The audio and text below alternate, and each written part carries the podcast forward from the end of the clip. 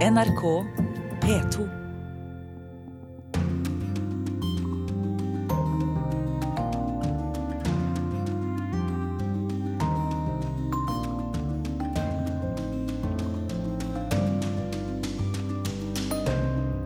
Donald Trump har sørget for nok en heftig uke i Washington, og noen av hans nærmeste medarbeidere får lide for det. Søte små barn markedsfører enorme infrastrukturprosjekter når Kina trommer sammen til toppmøte om den nye Silkeveien. Valg i Tysklands største delstat i morgen blir siste test før forbundsvalget til høsten. Vi skal til Kiev, der Eurovision Song Contest og krigen på Krimhalvøya går hånd i hånd. Og så spør vi blir det menn uten hår som skal redde Tyrkias turistindustri? Ved møtt til Urix på lørdag. I korrespondentbrevet gjør vi opp status etter det franske presidentvalget. Jeg heter Wenche Eriksen. Denne ukas store sak har vært spikingen av FBI-sjef Jim Comey i USA. President Donald Trump helte i går bensin på bålet i det som trolig er den største selvpåførte krisen siden han tiltrådte, ved å true Comey dersom han snakker med pressen om samtalene de to hadde. En av de mange tingene som har vakt oppsikt i den saken, er hvor liten lojalitet presidenten viser overfor sine egne medarbeidere. Ikke minst overfor en av de aller viktigste, rapporterer korrespondent Tove Bjørgaas fra Washington. President took strong and decisive leadership here to put the safety and security of the American people first by accepting the recommendation of the Deputy Attorney General Visepresident Mike Pence forsvarte den offisielle versjonen av hvorfor James Comey ble sparket på onsdag. Den om at presidenten sparket FBI-sjefen fordi han fulgte anbefalingene til ledelsen i Justisdepartementet. Men dagen etter kastet sjefen hans også sin egen visepresident under bussen. Uh, Jeg hadde bestemt meg for å sparke Comey uansett, sa Trump til NBC. Det er ikke første gang USAs visepresident blir sittende igjen med skjegget i postkassa. Det er det mange i Det hvite huset som er blitt denne uka, etter intervjuet Trump ga torsdag. Men Mike Pence har kanskje grunn til å bli aller mest irritert. Han opplevde jo også å bli løyet til av Michael Flynn i sin tid. Trumps sikkerhetsrådgiver fikk sparken etterpå. Men hva kommer egentlig til å skje etter FBI-kaoset de siste fire dagene? Kanskje ikke all verden. Republikanerne sitter med flertall i begge husene i Kongressen. Og så langt er det bare en håndfull av dem som åpent har kritisert Trump. Demokratene roper om at det må utnevnes en spesialetterforsker for å granske den russiske innblandingen i valgkampen. Men heller ikke det har mange republikanere tatt til orde for. En annen som har fått sitt gode navn og rykte kraftig svekket de siste dagene, er Rod Rosenstein. Nestkommanderende i Justisdepartementet og mannen som leverte Trump en liste med argumenter for hvorfor Comey kunne sparkes.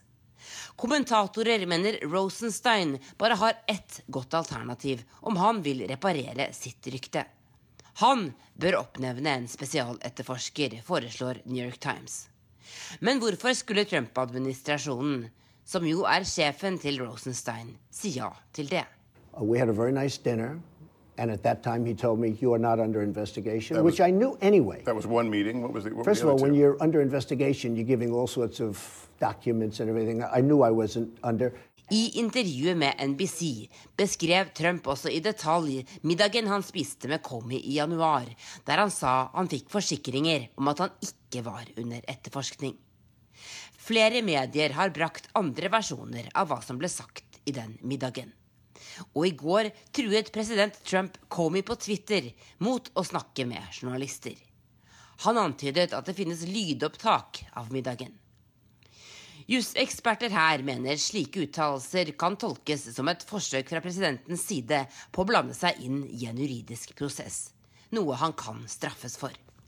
Men igjen, viljen til å stå opp mot Trump virker stadig liten i hans eget parti. Foruten Mike Pence har Trumps pressemedarbeidere hatt en svært tøff uke. Sean Spicer fikk ifølge rapportene ikke noe forhåndsvarsel om at Trump skulle sparke Comey. Han forsvant deretter fra presserommet i Det hvite hus i tre dager, angivelig fordi han var innkalt til et kurs i marinen, der han fortsatt er reservist. I går var han tilbake og ville ikke svare på spørsmål om hvorvidt Trump har lydopptak av middagen med Comey. Ryktene svirrer imidlertid både i konservative og sosiale medier om at Spicer kan være den neste president Trump planlegger å sparke.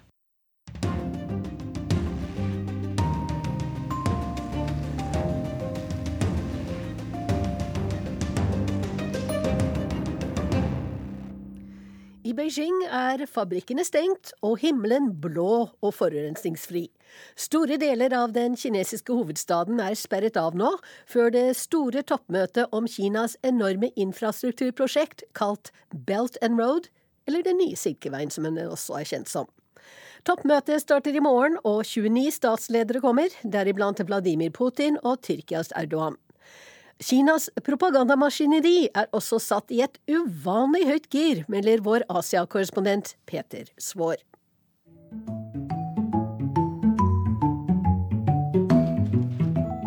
Once upon a time, several routes led from China through Central Asia to Europe. It was called Silk Road.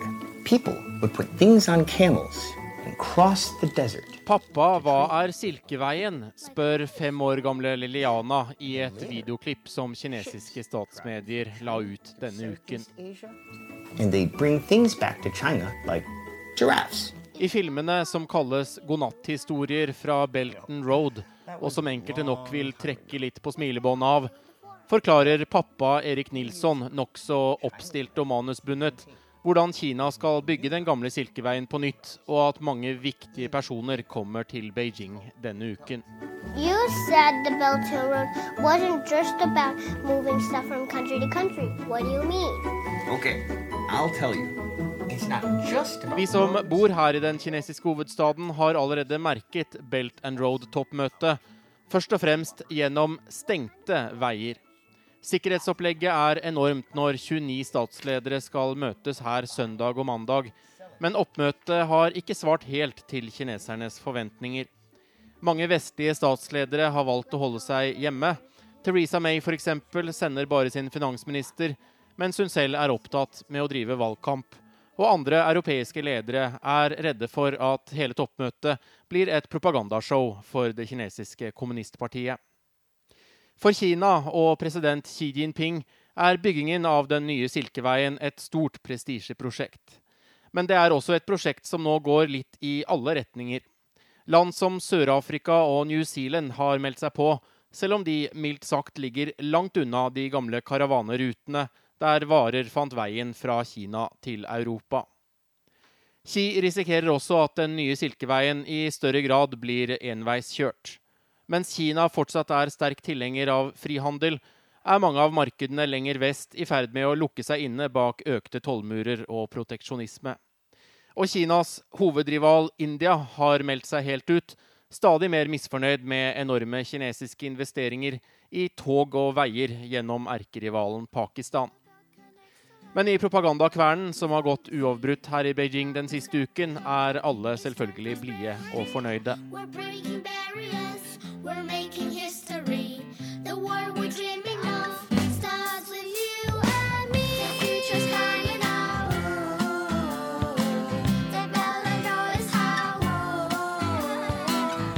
Animerte musikkvideoer som er både velproduserte og fengende, skal overbevise verden om at Kina nå former en ny verdensorden.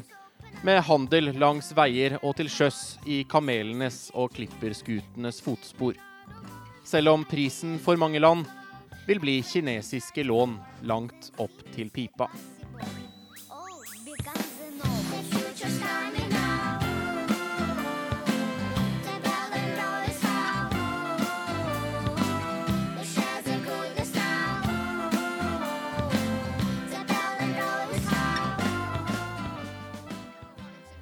Ja, Henning Christoffersen, eh, sosialantropolog og Kina-ekspert.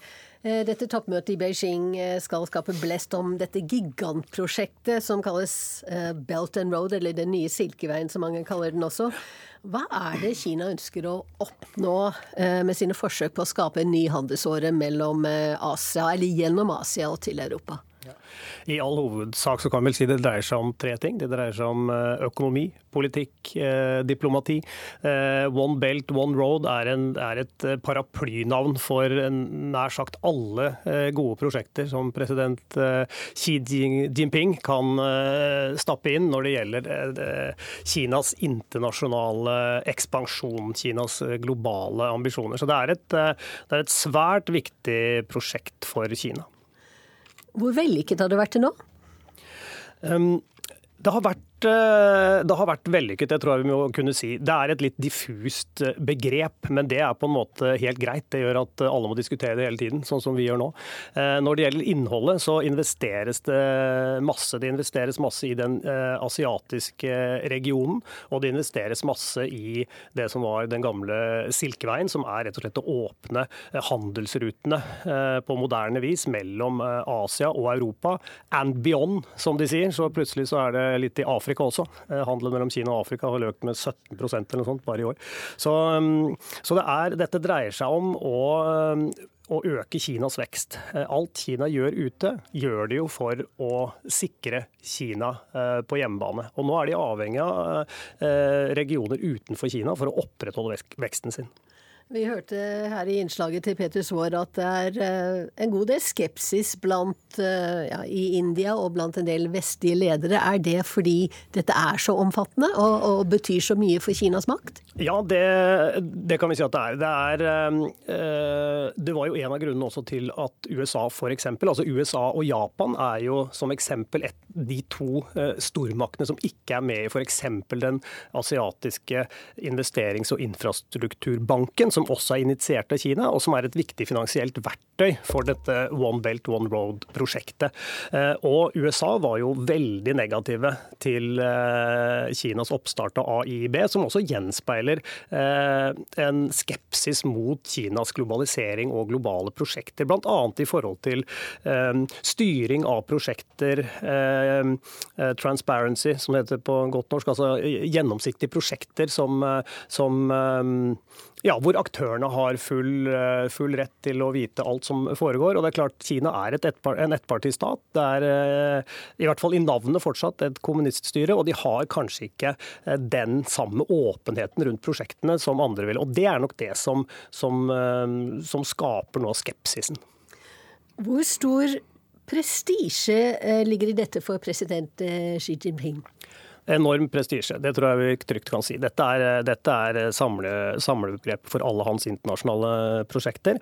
Eh, og det har jo blitt sånn nå at eh, Kina er jo eh, en, en viktig økonomisk kraft globalt. Og det skjer jo parallelt med at USA de er jo mer for USA for amerikanere og mer proteksjonisme. og det er jo, Igjen så blir det jo da litt sånn betimelig for Kina å kunne være den store eh, Eh, aktøren da, for globalisering og fortsatt handel. Eh, og fortsatt eh, internasjonal handel, samarbeid. De skriver bilaterale avtaler med en rekke land.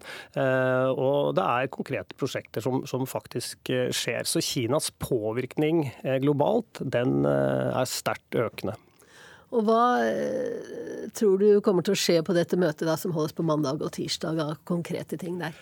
Jeg, ehm, jeg, tror nok at eh, det er greit å ha litt sånn sunn skepsis til hva som skjer der. Kina kan sin propaganda, og når du skal ha barn som synger om infrastrukturprosjekter, så ser vi vel litt hvor, hvor dette bærer. Dette, uh, dette, handler jo om å skape stolthet, ikke minst for kinesere, av hva Kina gjør ute av Kina. Og det er viktig for Xi Jinping. Det er viktig for legitimiteten til partiet.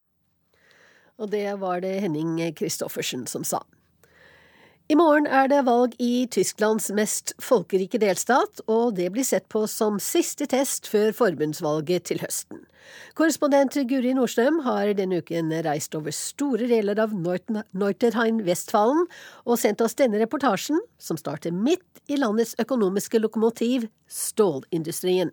Wir kämpfen natürlich Erhalt der Arbeitsplätze, natürlich des Standortes und das ist natürlich vordringlich, darum wir diese Aktion jetzt hier. Vi kjemper naturligvis for arbeidsplassene våre. Derfor planlegger vi denne aksjonen, sier Werner von Hefen. Sammen med Mehmet Gutas i fagforeningen IG Metall forbereder han seg til streik. I kjelleren til driftsrådet hos stålgiganten ThyssenKrupp i Duisburg trekker de ut store faner med påskriften 'Stål er fremtiden'. Stålproduksjonen her er verdens største og et av de store lokomotivene i tysk økonomi.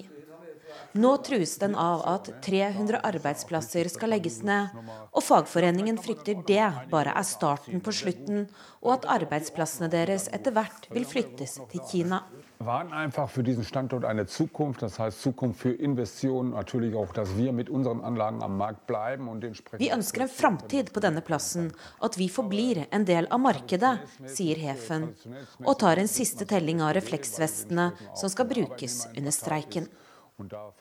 De vet de har sitt momentum nå, for politikerne har sin fulle oppmerksomhet mot nettopp dette området i forbindelse med deltatsvalget her i Nordrhein-Vestfalen. Et delstatsvalg i Tysklands mest folkerike delstat. Her bor det hele 18 millioner innbyggere, dvs. Si rundt 20% av Tysklands befolkning. Dette er altså ikke bare Tysklands viktigste delstat. Dette er også siste delstatsvalg før det nasjonale forbundsdagsvalget til høsten. Dermed blir det sett på som en siste test for hvordan partiene ligger an. Dette vet også toppledelsen i de store partiene godt. Og selv om det ikke egentlig handler om dem i denne omgangen, har både kristendemokratenes Merkel og sosialdemokratenes Schulz reist Nordrhein-Westfalen rundt for å kaste glans over sine respektive partier de siste dagene.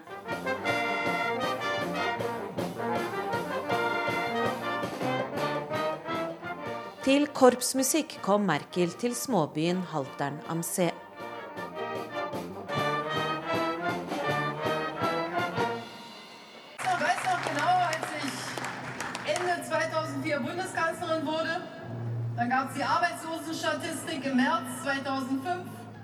Da jeg ble forbundskansler i 2005, var arbeidsløsheten høy.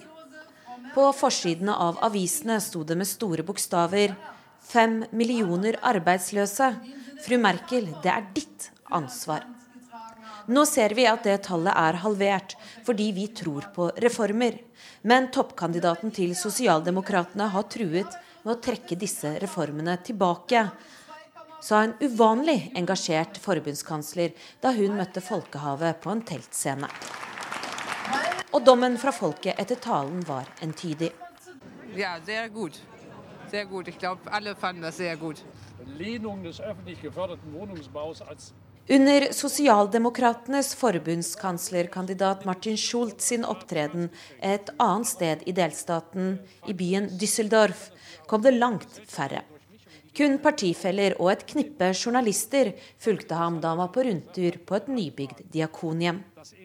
Schulz har gått fra å nærmest ha en popstjernestatus da han ble lansert som forbundskanslerkandidat i februar, til å falle på meningsmålingene.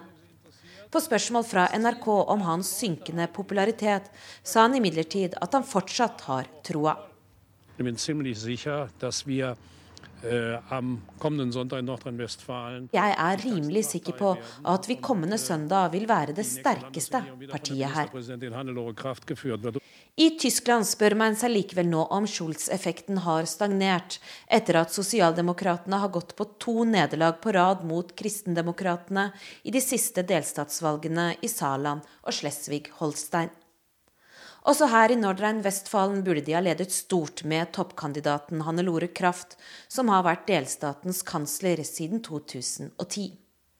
Men akkurat nå ligger de to store partiene nesten likt på meningsmålingene etter at CDU har tatt innpå. Ja, Mehmet,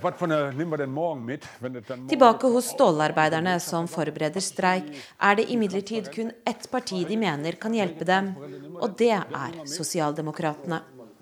Ja, das nehmen wir mit. Ich glaube, traditionsmäßig, traditionellmäßig man sagt die SPD, weil die dementsprechend auch für eine Arbeitnehmer eine Partei ist.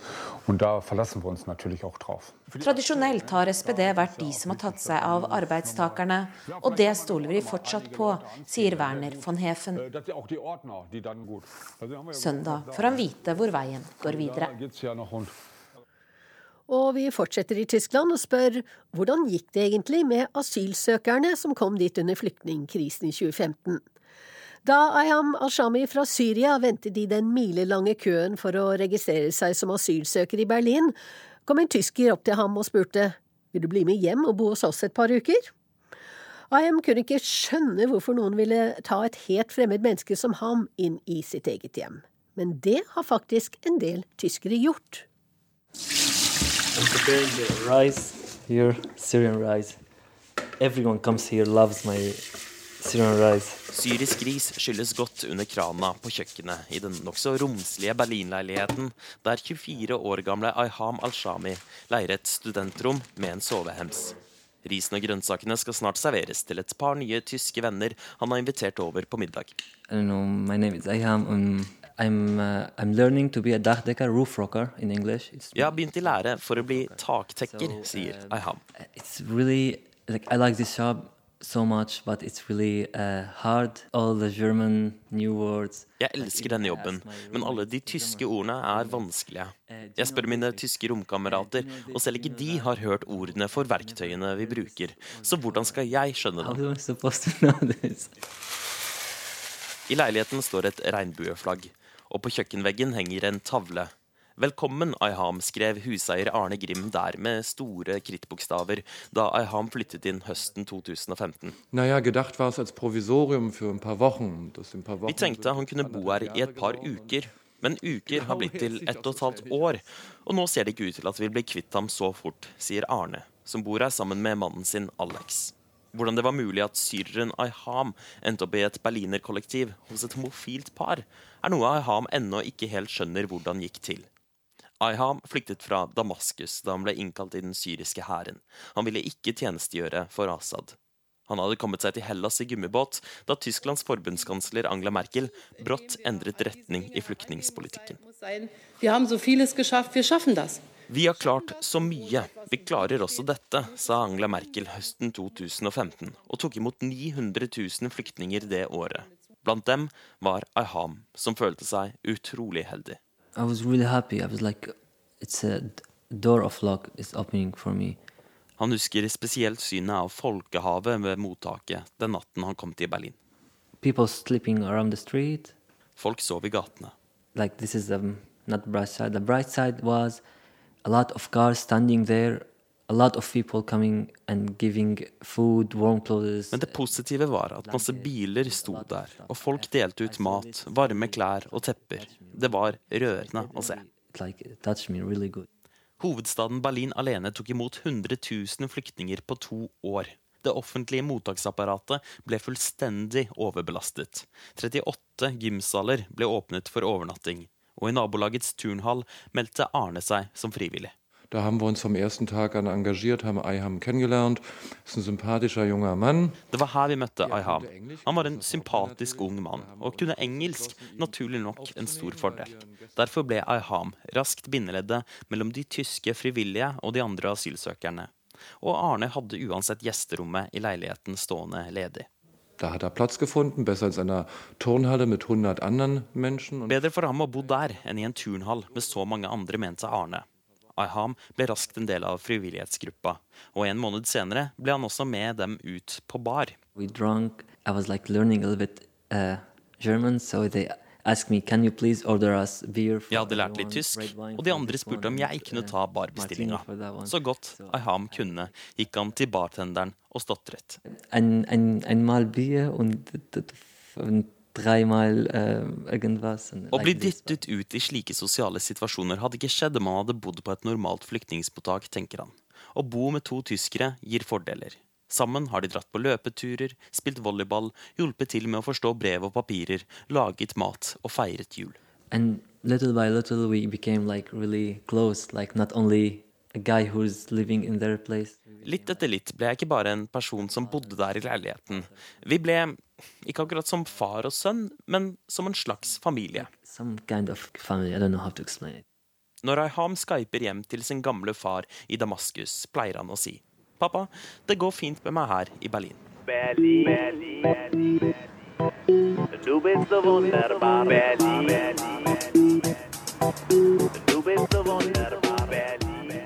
To år etter flyktningkrisen er dette ett eksempel på hvordan det gikk med nyankommerne til Tyskland. Der man i Norge ser på bosetting av flyktninger som en statlig og kommunal oppgave, har man i Berlin i større grad tatt dem inn i ledige rom og hjem. Noen har til og med gjort det til et levebrød. Ähm, wir hatten hier in unserer gemeinsamen Wohnung in Berlin ein Zimmer frei. Gründeren Jonas Kakorske hadde et ledig rom i kollektivet. 33-åringen sitter foran Mac-en på kontoret med tre dagers skjegg og en liten lue over panneluggen. Seks måneder har jeg med äh, einem Geflüchteten zusammengewohnt. Karim er sein Name. I seks måneder bodde jeg med en flyktning i kollektivet. Karin het hun. Vi gjorde det fordi vi ikke var fornøyd med hvordan flyktningene ble masseinnlosjert i haller og blokker. Ofte lå disse langt ute på landet, og de hadde null sjanse til å delta i det tyske samfunnet, sier Jonas. Egentlig var han grafisk designer og i 2014 satte han opp nettsiden Flyktlinge velkommen. Ideen var enkel.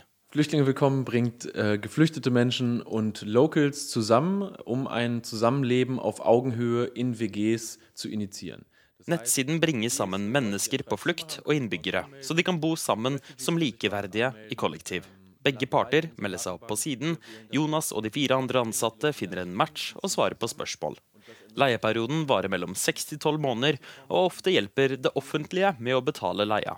Wir haben auch ein internationales Netzwerk ähm, und sind aktiv in 14 Ländern. Nettverket har spredt seg til 14 land, 12 europeiske pluss USA og Canada. Over 600 flyktninger har fått bosted privat siden oppstarten. Og Jonas selv har fått ny jobb som sosialentreprenør. Og en rekke priser, forresten. De henger på kontorveggen. Organisasjonen har ikke startet opp i Norge, bare så vidt i Sverige. Hvorfor virker det som om vi i Norden har litt vanskeligere for å slippe noen så tett på? Jeg spør Arne Grim.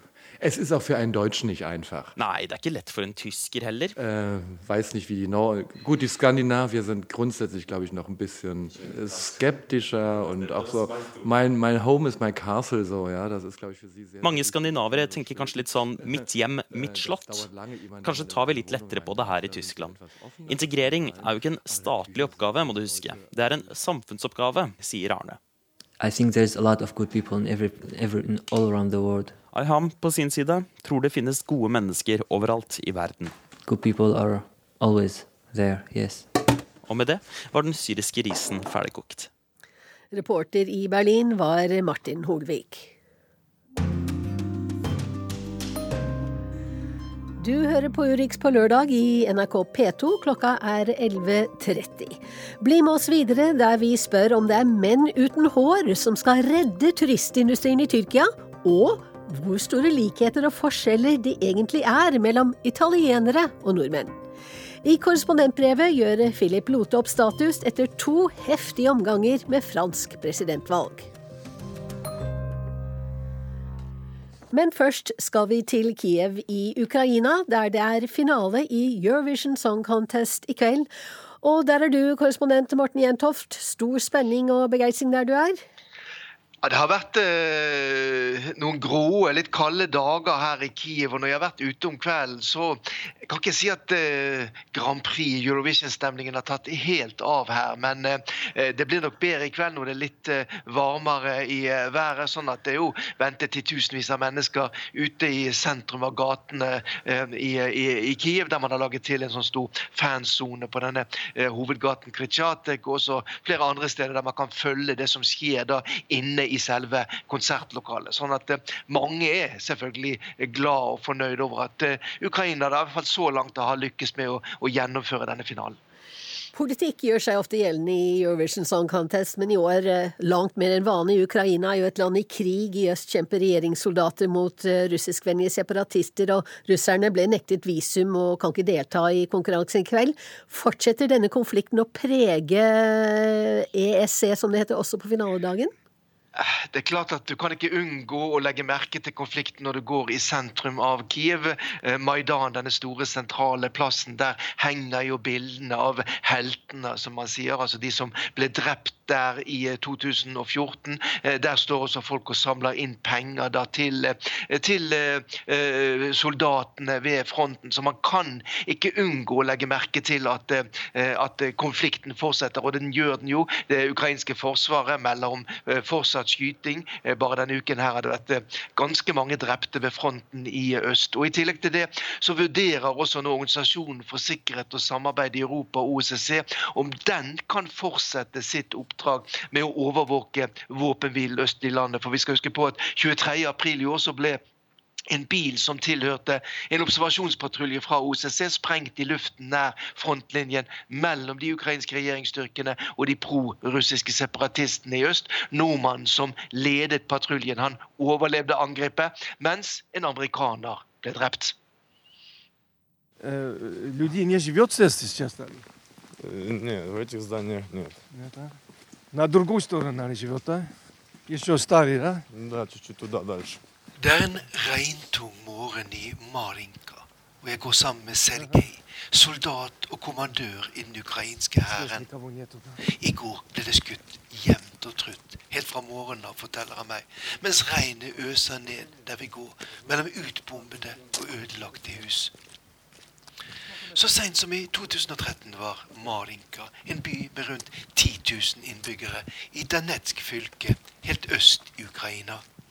Nå er det kanskje 2000-3000 igjen. Dette er frontlinjen, eller kontaktlinjen som det offisielt heter, mellom de ukrainske regjeringsstyrkene og de prorussiske separatistene. I dette området burde også Organisasjonen for sikkerhet og samarbeid i Europa være. Men det har de ikke lov til. OSSE er i praksis lammet fra den oppgaven de er satt til, forteller Alexander Hugg, som leder den store operasjonen som OSSE har hatt i Ukraina siden konflikten brøt ut for fullt i 2014. Lots of areas near the contact line are excluded at the moment from our observation activities, and that means we can't. Vi kan ikke lenger dra til store områder langs kontaktlinjen, sier Alexander Hugg, som NRK møter i OSSE-hovedkvarteret i byen Kramatorsk, litt nord i den delen av Donetsk fylke som kontrolleres av de ukrainske regjeringsstyrkene. Mange steder som vi regelmessig besøkte, får vi ikke lenger lov å dra til, sier Hugg. Moment, patrols patrol asphalt. Авто наблюдателей ОБСЕ взорвалось утром во время Det патрулирования. var om formiddagen 23. april to biler fra OSSEs framskutte base i byen Stakano kjørte langs den smale grusveien nær landsbyen Plisjov, da den ene av bilene ble sprengt i luften av en kraftig mine. Området bilene kjørte i, ligger like ved frontlinjen i Luhansk fylke, langs elven Severny Danetsk. Ukrainske myndigheter kontrollerer den ene siden av elvebredden. De prorussiske separatistene de- den andre, der patruljen fra OSSE kjørte. Amerikaneren Joseph Stone, som var sanitetsansvarlig i patruljen og som satt bak i den ene bilen, ble trolig drept øyeblikkelig, mens en tsjekker og en tysk statsborger ble hardt skadet. Patruljen var ledet av en norsk OSSE-observatør som satt i den andre bilen. Alle som satt der, kom uskadd fra hendelsen. Uh, what is certain is that it was not an accident.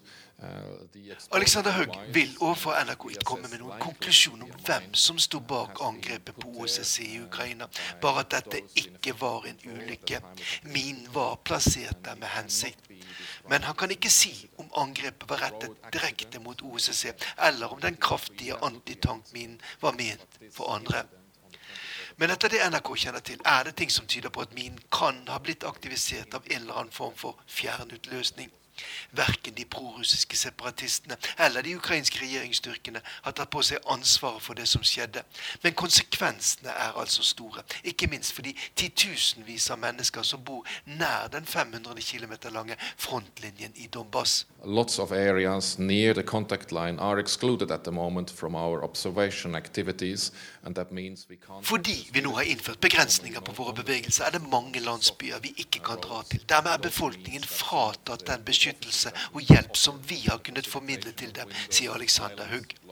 Og han har ikke spesielt positive rapporter å komme med når det gjelder sikkerhetssituasjonen i konfliktområdet. There are in the hundreds, if not thousands, every day.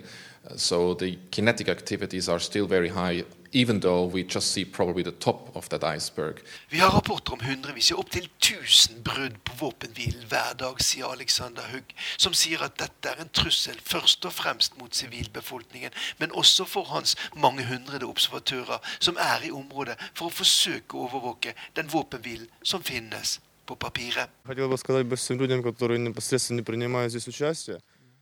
Tilbake i Malinka kommer kommandør Sergej med en liten hilsen til alle som nå har sine øyne rettet mot Ukraina i forbindelse med finalen i Eurovision.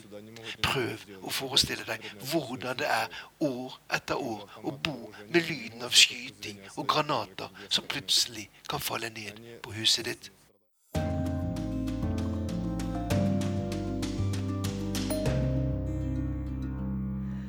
Frykten for terroraksjoner gjør at mange vanlige turister svikter både Istanbul og resten av Tyrkia.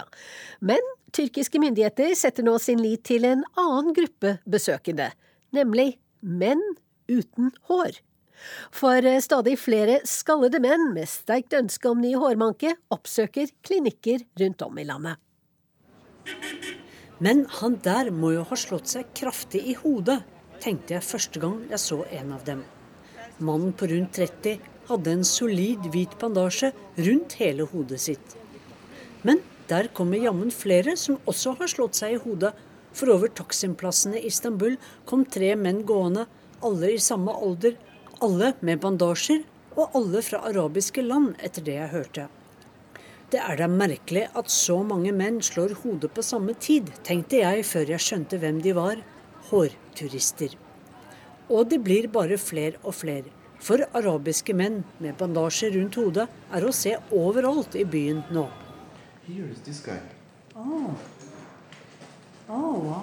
Dr. Ali Karahan er en av legene som hjelper dem. På mobilen viser han bilder av pasientene sine før og etter at han har gitt dem nytt hår. En ung mann ser ut som en filmstjerne, der han poserer i stilsikker dress, en solid hårmanke og et velpleiet skjegg.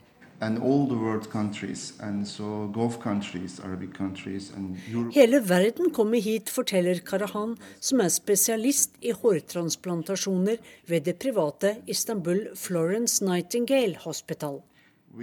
I det siste har Karahan hatt menn fra Sør-Korea, Finland, Argentina, men svært mange kommer fra Gulfstatene. Selv har den joviale legen en tett sølvfarget hårmanke med ditto-skjegg. Pasientene misunner ham. Har jeg nok penger til å få sånt hår som du har, spør flere. Pasientene hans er stort sett mellom 25 og 50 år. If the guy is 30 years old so married, and the, if they want to marry, Om de ikke har giftet seg før de er 30 og har begynt å miste håret, ja, da kommer mange hit for å styrke sjansene på ekteskapsmarkedet, sier han. Dr. Karahan flytter hår fra bakhodet og til toppen av skallen. so. Dette håret er sterkt og stabilt og vokser bra, forklarer han. Etter fire måneder ser pasientene resultatet, og etter åtte måneder skal håret være utvokst. Mens legen forklarer, kommer en meget ung mann inn på klinikken hans. I ansiktet har han svarte prikker i linjer som nesten minner om tatoveringene til en maorikriger. Jeg vil se bra ut, derfor kommer jeg til doktor Karahan, sier den unge mannen som er fra Saudi-Arabia og som heter Id Omran. Han har bestilt hårtransplantasjon i ansiktet for å få skjegg. Skal du gifte deg, spør jeg, siden jeg er overbevist om at han bare er 16-17 år. Jeg er allerede gift, svarer han. Problemet er nettopp at alle tror at han bare er en tenåring fordi han har helt glatt hud uten skjeggvekst. Men Omran er 27 år, og han er lei av at folk tror at han bare er et barn. Nå vil han ha skjegg for å se ut som en mann, sier han. Han ville bli respektert, for i religiøse samfunn som Saudi-Arabia er skjeggvekst viktig. Mange arabiske menn tar også hårbehandling før de skal gifte seg, for å ta seg bra ut, ikke bare for bruden, men for storfamilien og samfunnet, legger Eid Omran til. Nå ser den unge mannen fremover, for om fem måneder skulle skjegget hans være på plass. Han kjenner mange fra Saudi-Arabia som har vært eller skal til Tyrkia på hårbehandling. Men nå må han videre. For etter at de har fått nytt hår plantet på hodet eller i ansiktet, drar de på sightseeing. Noen med hvite bandasjer, noen med svarte pannebånd, andre dekker det såre hodet sitt med myke bøttehatter. De er å se rundt Aya Sofia, Den blå moskeen, og på båter på Bosporosstredet. Hver måned får 5000 personer hårbehandling i Tyrkia, sier Emre Ali Kodan fra Helseturismerådet til avisen Horiet. Det er 60 000 mennesker i året. For tyrkiske sykehus gir menn ny sveis for en femtedel av det det koster i europeiske land, skal vi tro avisen. Kanskje er det menn med lite hår som skal redde turismen i Tyrkia. And then they are thinking, for if for health it's safe. Hårspesialist Ali Karahan bemerker at mens vanlige turister tror det er risikabelt å reise til Tyrkia, så forsvinner all uro med en gang det er utsikt til å fikse på utseendet.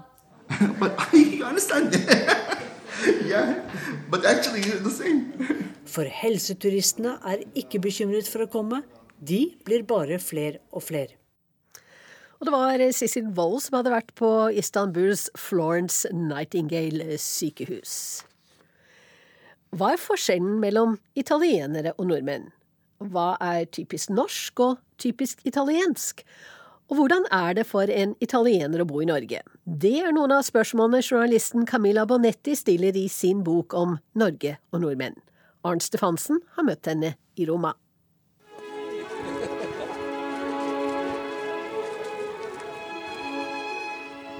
Nordmenn elsker Italia.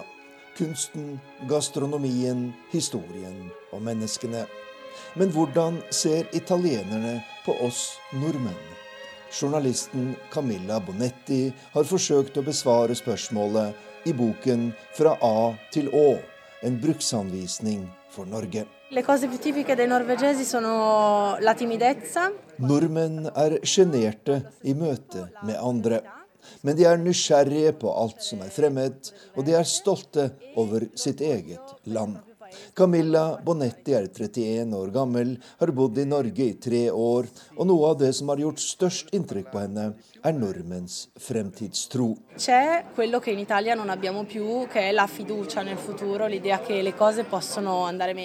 I Italia har vi mistet troen på fremtiden, men i Norge tør man fortsatt se fremover og være optimist. Og det er en viktig grunn til at jeg har skrevet denne boken. Arbeidsløse italienere ser på Norge som en jobbmulighet, og jeg håper at boken skal gi dem mer kunnskap om det norske samfunnet, sier Camilla Bonetti. Spaghetti, pollo, insalatina, una tazzina di caffè.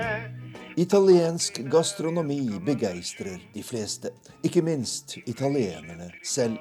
Knapt noe folk i verden er mer patriotisk i matveien, og hvordan kan en italiener da finne seg til rette i Norge?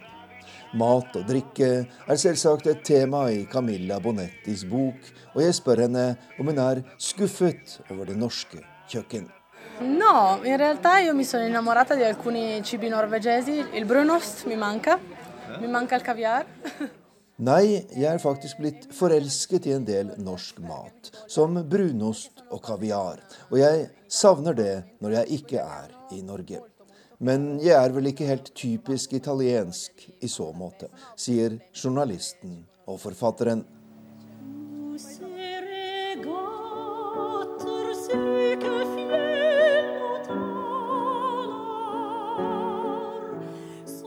Norges vakre og uberørte natur er en sikker vinner blant italienerne. Men lange vintre, kulde og mørke er en realitet som er ekstra tung å bære for en søreuropeer. Forfatteren minner om at ordtaket 'ut på tur, aldri sur' er noe av kjernen i det norske, og at det er bedre å lære det først som sist. Men klimaet har gjort nordmenn mer innadvendte enn italienerne, sier hun. I norvegesi riescono a stare zitti. Nel senso che Nordmenn er stillferdige. I køen foran kassa på supermarkedet er det ingen som snakker til hverandre. I Italia går det aldri mer enn et par minutter før noen begynner å prate. Alt i alt mener hun likevel at nordmenn og italienere er forbausende like.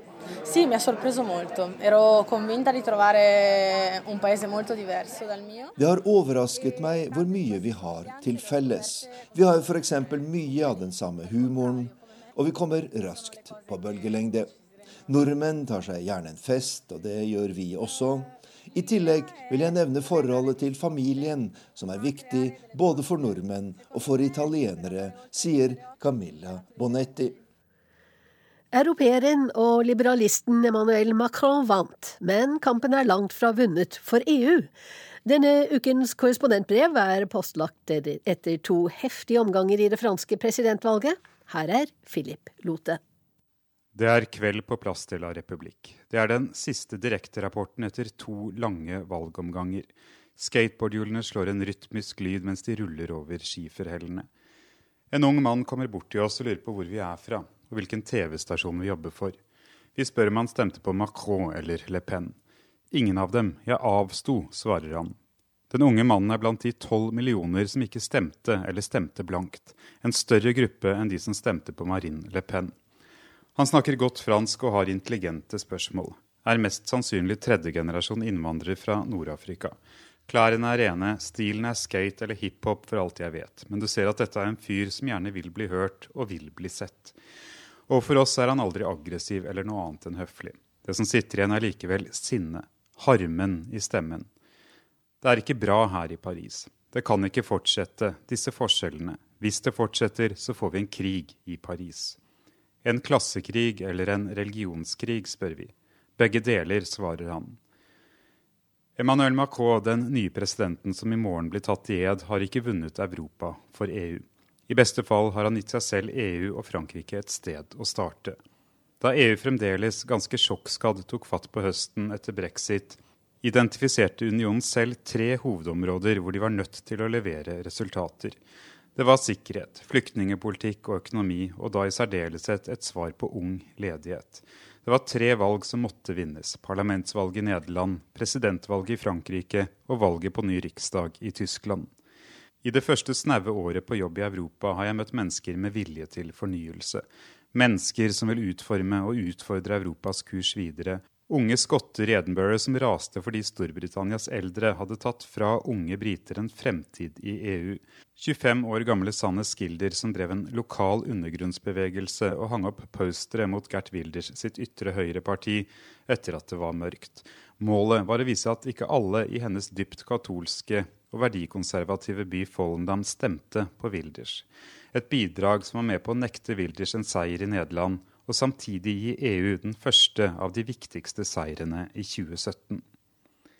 En kveld i november møtte vi Jean Messia, koptisk kristen, født i Egypt og kom til Frankrike som åtteåring. På 1990-tallet var han en proeuropeisk og dyktig student, men nå jobbet han med å utforme den patriotiske økonomiske politikken til Nasjonal Front.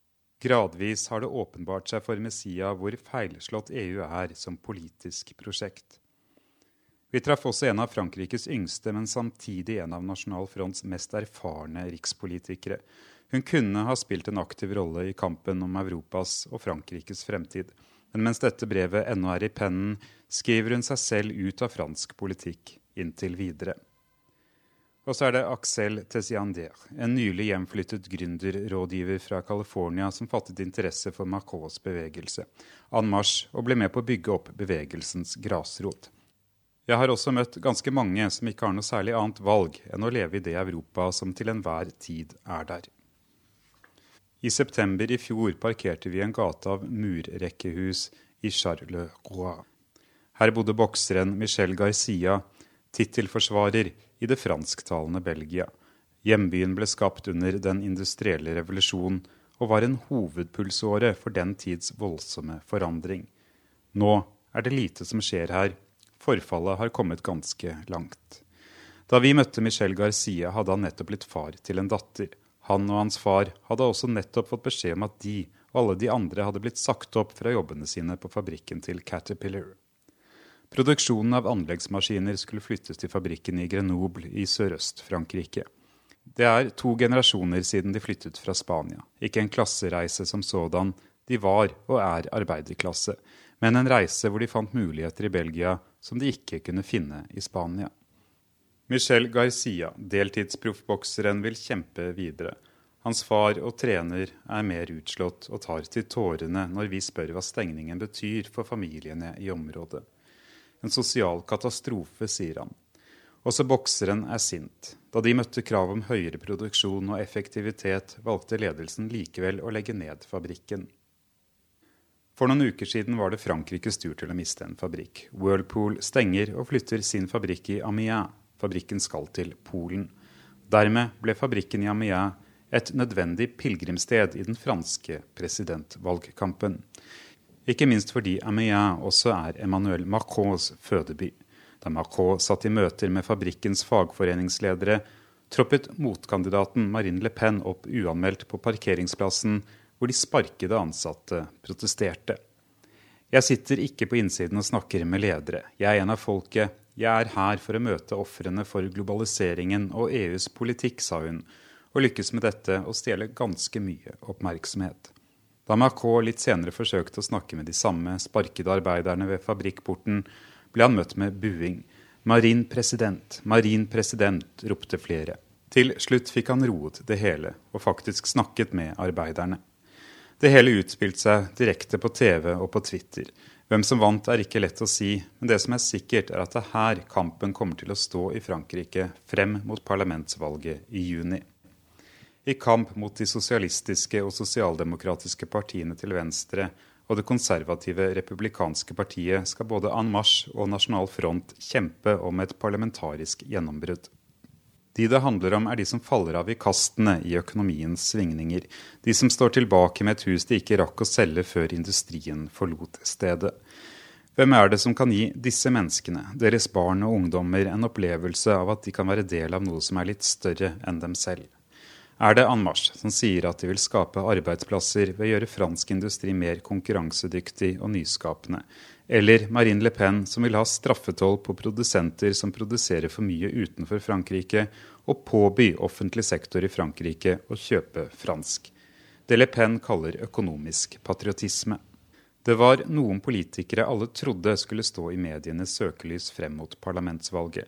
Blant dem Nasjonal Fronts unge stjerne og et av partiets kun to medlemmer i nasjonalforsamlingen, Marion Le Pen, niesen til Marine Le Pen. Da vi traff henne i forrige uke, sa hun at hun ikke så for seg et helt liv i politikken. Men at hun kun to dager etter presidentvalget gjorde det klart at hun ikke stiller til gjenvalg, kom overraskende. Tante Marin beklaget det, Bestefar raste og sa han umulig kunne tenke seg at det fantes noe fornuftig som lå til grunn for beslutningen. I Le Pen-familiens intriger og kamp om sitt eget parti har Marion vært dels et redskap og dels alliert av sin bestefar og partigrunnlegger Jean-Marie Le Pen. Marion selv sa det både personlige og politiske grunner bak beslutningen.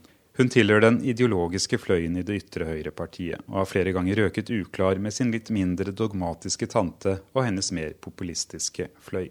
I tillegg til å bli Frankrikes yngste parlamentsmedlem noensinne, har 27-åringen rukket å få et barn og å bli skilt. Nå vil juristen ha annen jobberfaring og bruke mer tid med datteren. Det er mange som tror Marion kommer tilbake om hun kan drive politikk uten å være skyggen av sin tante. Det er andre, blant dem fransk-egyptiske Jean Messia, som i stedet vil forsøke å ta rampelyset for nasjonal front nå. At Messias og Le Pens politikk ikke er mulig innenfor dagens EU, er en forklaring god nok på at det er avgjørende for EU at Macron lykkes. De proeuropeiske kreftene vant valget i Nederland. De vant presidentvalget i Frankrike. Valget på ny riksdag i Tyskland virker med ett litt mindre skremmende. Men EU må vinne politiske, økonomiske og sosiale seire i alle disse landene. 36 år gamle Axel Tessiandé har steget raskt i gradene. Da vi traff henne i november, bygget hun grasrota i En Hun kalles evangelisten av fransk presse. Da Macron vant første runde av valget 23.4, var det hun som sto på scenen og introduserte vinneren. Det hun, Macron og bevegelsen trenger for å lykkes, er hjelp til å skape en sosialliberal økonomi. De må få skapt et grunnlag for optimismen som En Marche og Macron gikk til valg på.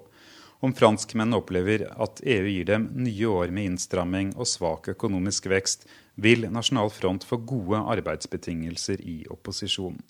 Da kan de klare å gjøre seg til et enda tydeligere styringsalternativ enn det de klarte i dette valget. Unge, nye og uprøvde er på vei inn i den politiske manesjen. Men beskrivende er det at den unge bokseren Michel Garcia ikke danser i den politiske ringen. Den unge belgieren fortsetter å bokse, men det skjer i det litt slitte treningslokalet han og hans far har bygget med egne hender. Det er med Garcia som det er med den unge, sinte mannen på Plass de la Republique. Han som tror det kan bli krig i gatene i Paris om forskjellene får fortsette. De må forsøke å leve i det Europa som til enhver tid er der. Det var Philip Lote som fikk eh, nest siste ord i denne sendingen. Teknisk ansvarlig var Ida Larald Brenna, produsent Marit Semmer Nedrelid, og her i studio satt Wenche Eriksen.